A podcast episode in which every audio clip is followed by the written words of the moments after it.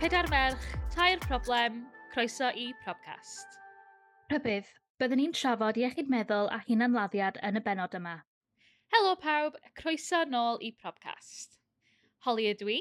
Mared ydw i. Beth dwi? Ac Amber ydw i. Ym mhob penod bydd un ohono ni yn cyflwyno thema i'r tair arall. A bydd rhaid iddyn nhw dewis eu problem mwyaf nhw am y thema yna. Bydd pawb yn cyflwyno ei achos i'r cadeirydd a'r prob gweitha sy'n ennill. Felly, ein thema ni troma yw iechyd meddwl. Iechyd meddwl, mae'n eitha dwys, yn dydi?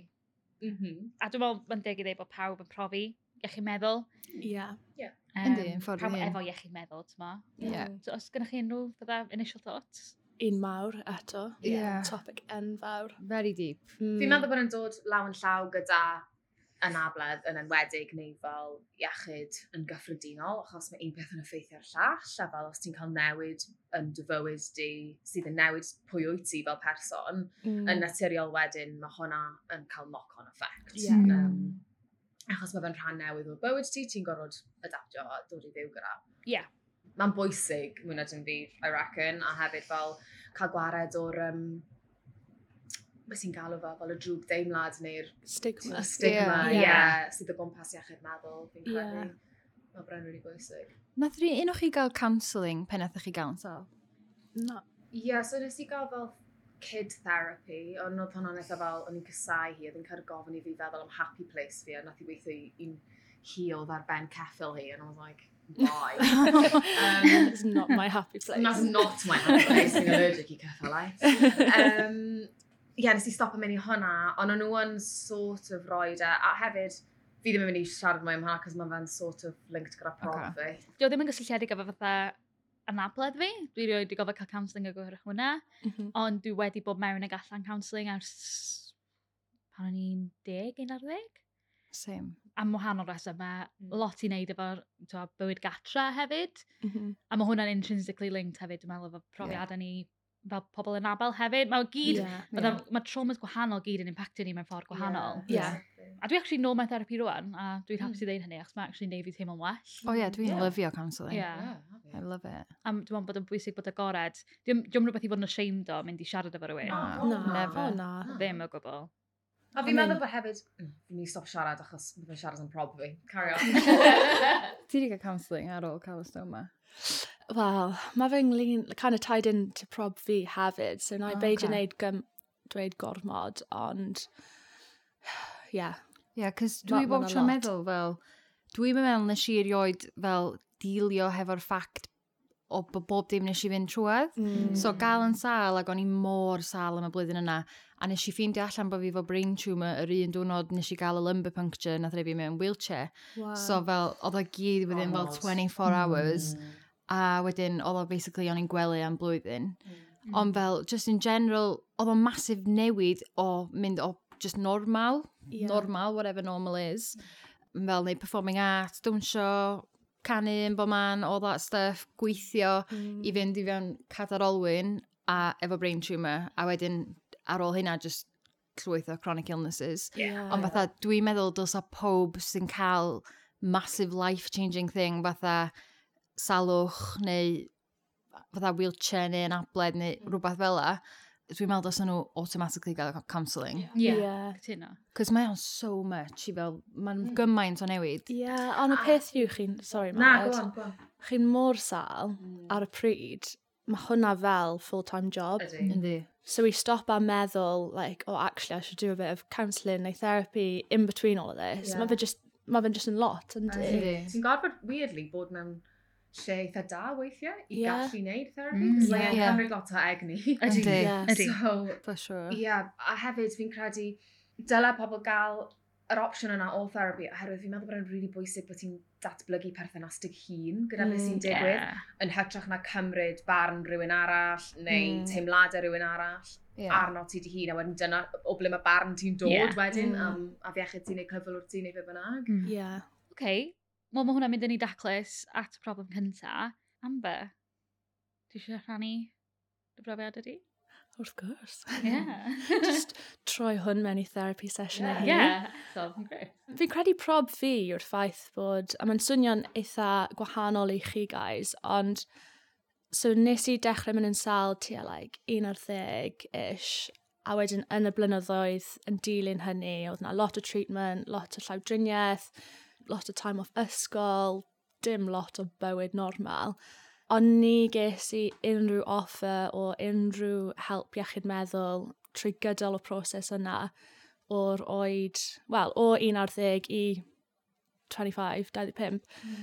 A fel wnaethon ni deud, mae fe'n cymryd spel i kind of adnabod, I guess, bod falle angen help, like, Yeah. especially os mae neb di cynnig e hefyd, like, and you have to come to that conclusion yourself. Yeah. So, yeah, fi'n pleased i dweud ar tair wythnos yn ôl, ges i therapy session gyntaf fi. Congratulations. Ond, ie, yeah, fel dydys i, just, nes i byth cael, you know, cynnig gan unrhyw un arall, er bod fi wedi mynd trwy'r holl shit ma, literally. um, a, ie, yeah, nes i roi fy hun mlaen, well, nes i roi fy self, oh god, I put myself forward for therapy, basically. Yeah. Ond hyd yn oed yn ystod y proses yna, oedd yn really anodd i kind of like, i gael e, yn enwedig ar yr NHS, a kind of like esbonio bod yr holl pethau yma di dechrau blynyddoedd yn ôl. And actually, fe yn lle eitha stable ar hyn o bryd. So it's kind of like, ma- ma nhw'n kind of like assumo bod chi wedi cael e yn y past, neu fod yeah. Yeah. wedi cael e, and like, now's probably too late, if anything. So ges i bach o battle yna, ond yeah, dwi'n credu fel dyd y si beth, like, well, dyle pawb cael cynnig o therapi fi'n credu, beth Absolutely. bynnag sydd yn mynd ymlaen, ond yn enwedig os chi'n mynd trwy rhywbeth, you know, mor significant a hynny, Mm. Yeah. ar ben delio gyda ysgol, like, bywyd general. Puberty. Yeah, so, yeah, dyna prob fi yw'r ffaith bod, falle b- mae fe'n gwahanol nawr, ond definitely pan o'n ni'n mynd trwy'r proses yna o dim cynnig o gwbl. Yeah, mae'n terrible. Mm. A hefyd, fatha, en- efo'r NHS, dwi'n mwyn gwybod os mae'r un peth lawr yma a dy gydio i fyny fyna, fyny yn y gogledd. Ond fel, dyn ni ond yn cael fel 12 therapy sessions alla ar NHS. Yeah. Okay. Maen nhw'n gyfyngedig iawn o ran yeah. Yeah. yn cynnig i ti. Dwi, dwi wedi bod o dan yr NHS fel few gwahanol times a di gael y 12 bob troch ar y teg. Ond fel, ie, maen nhw'n limitio fo i, tw- i, i 12. So fatha, mm. beth sy'n digwydd os dydio'r problem ddim yn resolved, fatha pam dyn nhw'n gallu A extendio mae'n fo. So horrible that's- teimlo bod rhaid i ti fel, oce, okay, mae rhaid i fod yn well erbyn y "Oh, 12. Well, Yeah, otherwise yeah. you're on your own. Yeah, Yeah. literally. Yeah, a'r peth arall, gyda, like, problem neu anabledd ffisegol hefyd, mae'r siawns yw bod chi wedi bod allan y gwaith ar, ar pryd. So falle, like, bod chi ddim yn gallu afforddio therapy yeah. private, neu... So, yeah, mae hynny'n really anodd fyd. Yr amseroedd geis i cwnsalodd yn yr ysgol, a mae cwnsel yn yr ysgol yn wahanol i therapi pan ti'n oedolyn, fydda'n mynd Oh, i yeah. weld rhywun proffesiynol. Mm. Fydda, dwi'n cofio school counsellor jyst fydda'n rhoi taflen a rhaid fi, ond fydda luggage cases, a rhaid ti sgwennu dy baggage Oh, Na. God. ar, y- ar y luggage cases ma. Ac oedd y- oedd y counsel fatha, oh, talk about your baggage. And i fatha, well, Oh God. referring to my trauma as baggage. Yeah. Firstly, ddim, yn- ddim, yeah. ddim yn helpful o gwbl. Oh my god. Check in therapy, fucking ar ôl y therapy. Oh, Ond yeah. fel yn waith oedd, oedd hi, oedd y therapist, achos lle o le dwi'n dod, mae'n eitha, mae'n tref ach yn dydi, so mae pawb yn nabod Yeah, pawb. Mm. Ac yeah. oedd y therapist yn nabod teulu fi. Oh, shit. O, man. Oh, awkward. Wow. Ac oedd na ddim, achos oedd o'n fatha un oedd yn siarad Cymraeg, ond oedd ddim lot o therapist oedd yn siarad Cymraeg yn yr ardal, a hi Mm. oedd yn, oedd yn y therapist ar gyfer ysgol fi, Ie, hi oedd y conselydd. So fatha, ond oedd ddim opsiwn na, really. Mm. Sydd yn Oh, bach o shit. Yeah. A dwi'n teimlo bod y peth arall sydd wedi bod yn tipyn bach yn anodd yw, like, mae 10-15 years yn spel eitha hir, so mae lot mwy na just iechyd ffisegol wedi digwydd yn yr amser ie. yna. So fi ddim eisiau mewn mewn i therapi nawr a just, like, expecto fod hwnna yw'r problem. Not problem, ond, like, mae yna peth arall, you know, should have fod, that I don't know about, i siarad am hefyd, but Yeah. yeah, fi'n eitha fresh. Fresh yn newydd. A ti'n enjoy fo? Mm. Ie, fi I yn. feel good sy'n Ie, dod allan, lle. Ie, ie, mae fe'n lot yn di, a mae Yndi. fe'n tiring, ond ie, werth e. Oh, good. Good. Okay. Be kind to yourself. Yeah. Beth am ni fynd at y person nesa? Beth? Okay. So, yeah, it's a bit of a big one because my um, child am suicide. Ond I suppose prob fi efo mental health ydy fel, just fel in general, dwi'n mwyn gwybod os da chi wedi bod yn yr un kind of lle lle mae just fel, mae bob dim yn teimlo fatha, there's no way out, like yr unig ffordd ydi o, you just, like, that's it. Yeah. A dwi wedi bod fel a few times am fatha, especially ar ôl cael fel y trolling gesh i ar just y pethau nath nhw ddeud. Mm. Again, fatha, sut di pobl ddim yn sylwi geiriau nhw? Fatha, so nhw yn teimlo'n oce okay bod nhw wedi deud hynna os o'n ni wedi mynd trwad efo be, you know, fatha, mm. mae'n unbelievable pa fatha consequences mae geiriau yn gallu gael mm. ar rywun. Ond fel, pen o'n i yn y lle yna, o'n i wedi fel planio bob dim, di sgwennu not notes i pob fel llythyrau. Mm. Hmm. A wedyn, yr unig peth nath stopio fi o wneud o, luckily, cos o'n i'n trio ffonio fel suicide hotlines a falle, trio siarad efo pobl, a oedden nhw'n kind of fel just rushing to get me off the phone. Mm. Ac o'n i mewn fel full breakdown ar y pryd lle I just didn't know how to, how to carry on. Mm. Ac oedden nhw just literally yn trio just rusho fi off, off y ffôn, basically. Ac yr unig peth nath actually stopio fi o wneud o oedd nath Baz ffeindio un, o- un o'r llythyrau. A wedyn nes i gerad i- fel rolio i fyny'r living room yn dynod ac oedd o fel just yna hefo'r notebook yn llaw ac oedd o dda bit ffwc di on. Oh, Ac o'n i dda. A nath hynna fel torri Baz. calon fi.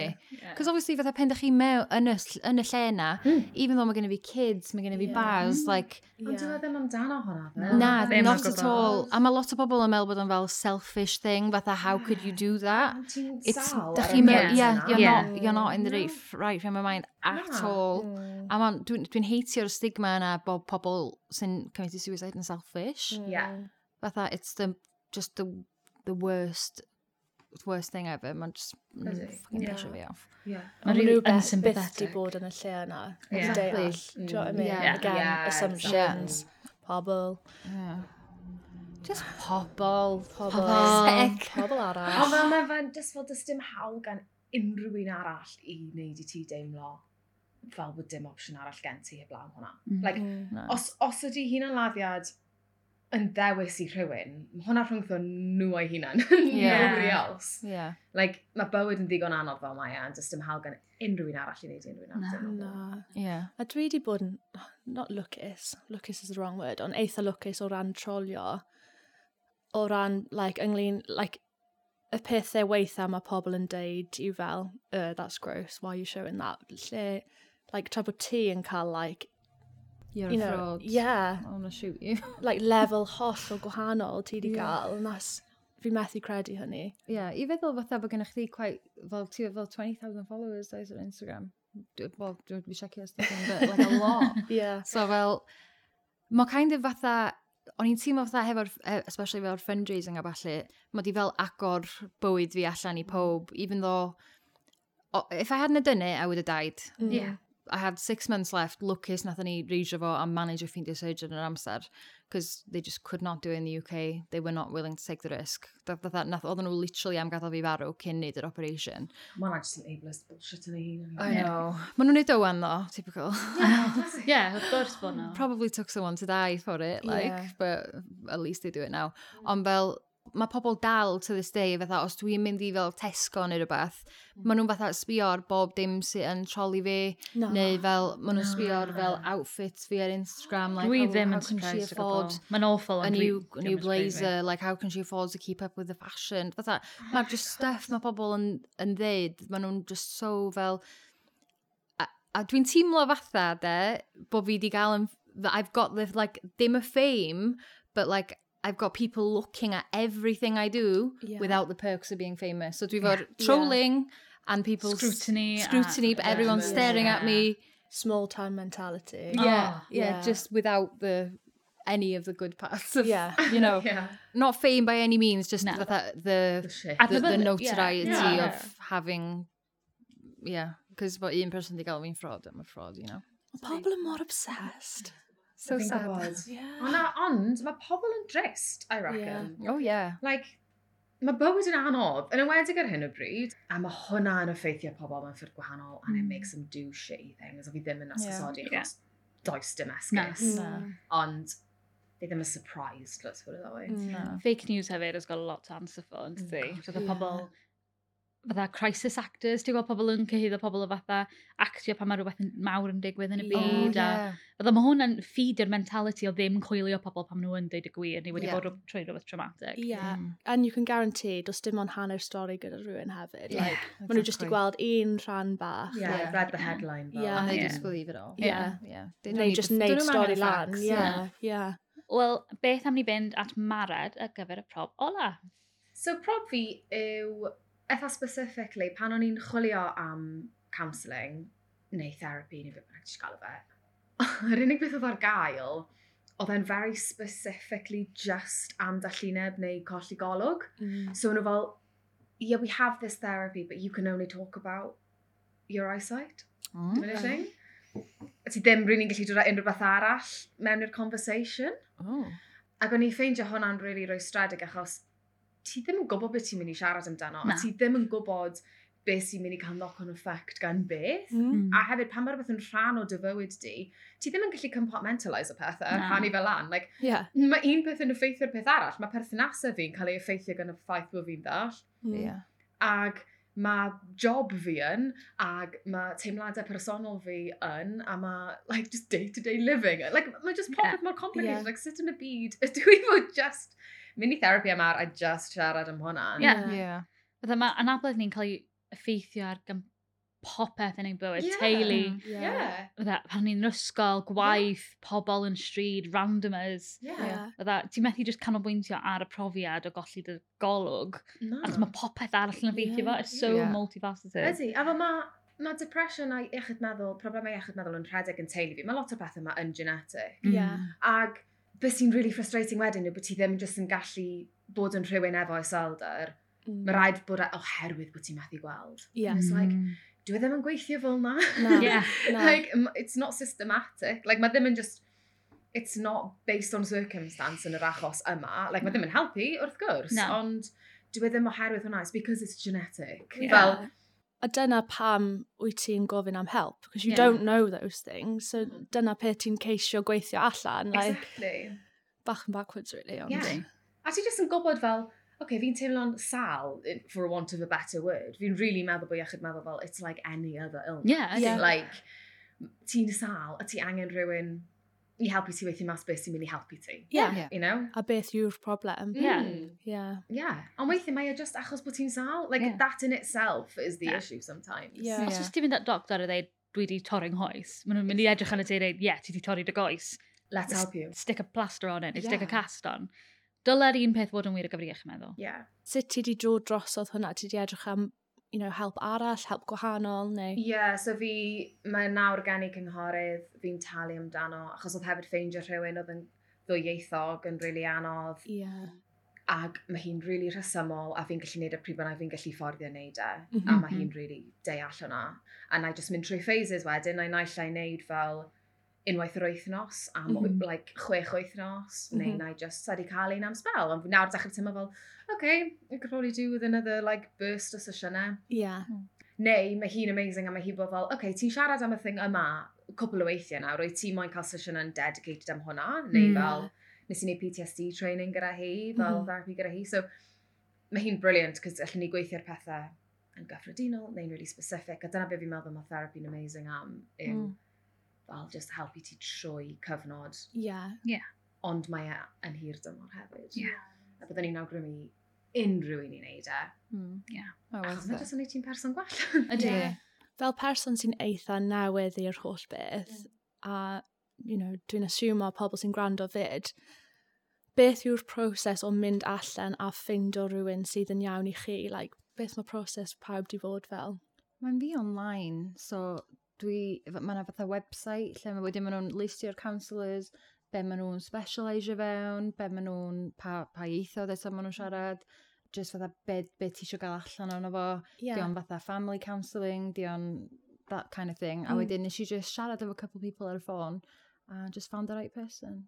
Yeah. Okay, Ti- Di'n interesting. chdi on, online, ta dion Wel, Hmm. person? ydy, ond mae hi, oedd y dymond achos nes i ddechrau yn ystod Covid gyda hi, Mm. Ca. a so mae fe dros Zoom, ond nawr ni'n cario ymlaen dros Zoom just cos mae hi yn y gogledd, a fi'n y de. Gai number hi, please, because Eh, Ah. I, want- I want Mae hi her. hefyd yn neud fel, ti'n gallu mynd am dro gyda hi, neu ti'n gallu Okay. neu fel garddio gyda hi, neu fel ther... Ie, yeah, tra Oh. bod ti'n neud e, mae'n really... Na, na, na, i Nice. pasio hi ma. Yeah, thank you. Weirdly, nes i ffeindio hi, achos, and I would never do this, like, o'n i'n watcho documentary ar S4C am y chwiorydd yma, dwy fel twins, ac oedd, o'n i'n just yn documentary really, really diddorol, a wedyn yna un elfen ohono fe, lle nhw'n gweld cynghorydd i helpu nhw gyda rhywbeth, a ni'n watcho hi, a ni fel, I love her, I'm wow. amazing. Wow. So nes i just googlo hi, and there she was, a fi yn caru hi, mae hi mas, ond bydde fi byth di neud hwnna. Oh, Ond, amazing. Yeah, hi'n really cool. Fy ni gyd yn ffonio hi. Yeah, yeah. Literally. Her line will be busy all Yeah. Fi evening. beth i gael therapy dwi'n mwy at teg. Sorry, Mari, A ddim yn mae hi'n gweld really chdi. resymol. Booking. Okay. Yeah. Therapy po- podcast. Perfect. Yeah. Yeah. A beth am ti?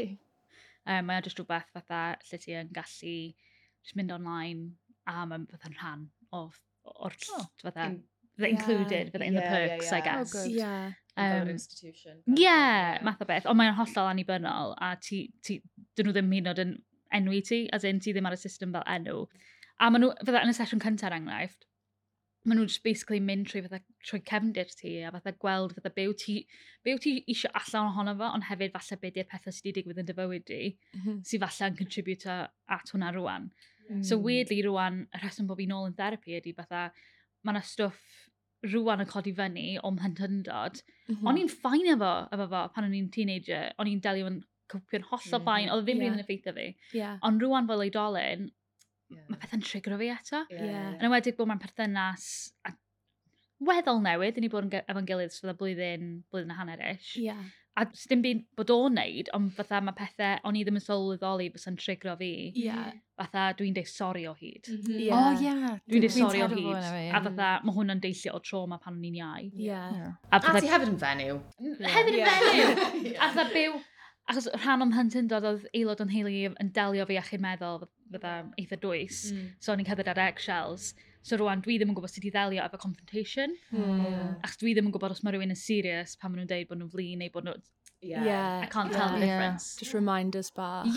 Yeah. So o'n i'n s- kind of sylweddoli, oh, mae'n rhaid fi kind of sortio hwnna allan rhywbryd achos mae'n mynd i, ma mynd i parhau. Yeah. I Yeah. can't bury my head in the sand. Ond mae hynny'n really da o ti i gallu, like, you know, notice o hwnna a neud rhywbeth yn bit, yeah? O'n i kind of yn gwybod fydda yn y Yeah, cefn cefn yeah. meddwl that it is an issue, I can't take confrontation. Yeah. Ond, um, fatha rwan, pan mae'n fatha'n reit yn ffrant dy meddwl di pan ti'n byw efo rhywun, Mm. yw ti'n Yeah. ei garu, Yeah. completely, a maen nhw, t'wo, mae caru fi mor amazing Yeah. efo delio efo sut dwi fel person, just dwi ddim eisiau hynny i greu mwy o strach i ni, Yeah. ti'n ma?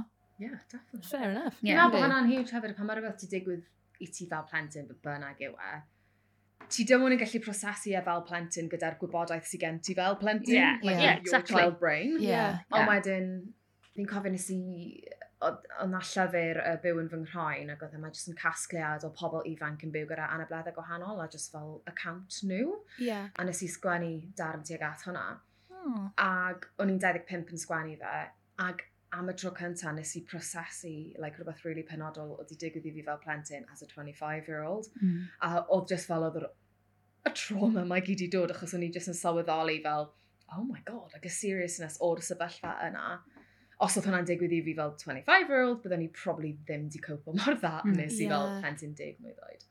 A ti'n ffili bod yn galed ar dy hun am hwnna, like, mae'n Na. bwysig. A hefyd mae'r pethau mae'n gallu just dod nôl am ddim rheswm. A ti'n mynd Oh, sylweddoli bod dear. yn dod nôl Na. Yeah. tan ti'n sylweddoli shit. Yeah. Dwi Yeah. ddim yn okay. Na, dwi ddim yn oce. Mm. A mae rhaid derbyn hynny, dwi'n credu hefyd, like, that'll be the way am byth, Yeah. probably. Yeah. Uh, A Exactly. mae hynny'n ffain. As long as bod ti'n copio fe mewn ffordd iach, I Yeah. guess. A cydnabod it's going to be a process Yeah. o trio dod o hyd i datrysiad neu o leia Yeah. ffordd o cwpio, ti'n ma? Yeah. A mae hwnna'n gwylltio fi pam ni'n clywed ar y, ar y news a stwff, mae'n fel, oh gosh, mae yna mwy o bobl ifanc rhwng 16 a 19 nawr ar like, antidepressant medication i mewn therapy neu efo PTSD diagnosis neu hwnna llall ei gilydd. A fi fel, na, dy'r rhif yna ddim di mynd lan. Na, Mae nhw na. wastad wedi bod allan yna. It's just nawr ni'n fwy ymwybodol. Yeah. Da ni Yeah. siarad amdano fo, Yeah. ie. Deall mwy. Like, Yeah. Believe me, just edrychwch ar rhieni chi, maen nhw efo whole load of issues going Oh, on. Oh, so yeah. Undiagnosed. Yeah. yeah. A really taboo probs fyd. Yeah. You know. Exactly. Yeah, thank god mae pobl yn siarad am dan mental health mwy. Yeah. Yeah. Especially fel mental health dynion, o'n i, Yeah, yeah, i ddim yn gwybod massively. bod yr rate o suicide mor uchel mewn dynion. Yeah.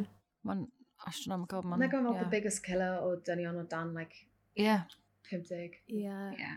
A fi'n credu bod pobl ifanc nawr, so mae chwar fi'n 15-16, a mae, like, plentyn oedran hi yn really, really agor, like, mwy na ni eto, which is amazing, yeah. yndi? Yeah. Oh, yeah. Real hope Um, for the future yeah. Yeah. generations. Yeah. Yeah. O gobeithio, nath e, nath e just wella, a cadw Yeah. wella. Yeah. OK, diolch i chi am y probs. Achos eto, mae gen i memory fath a goldfish. Please newch chi agoffa fi o beth nath chi ddeud. Amber?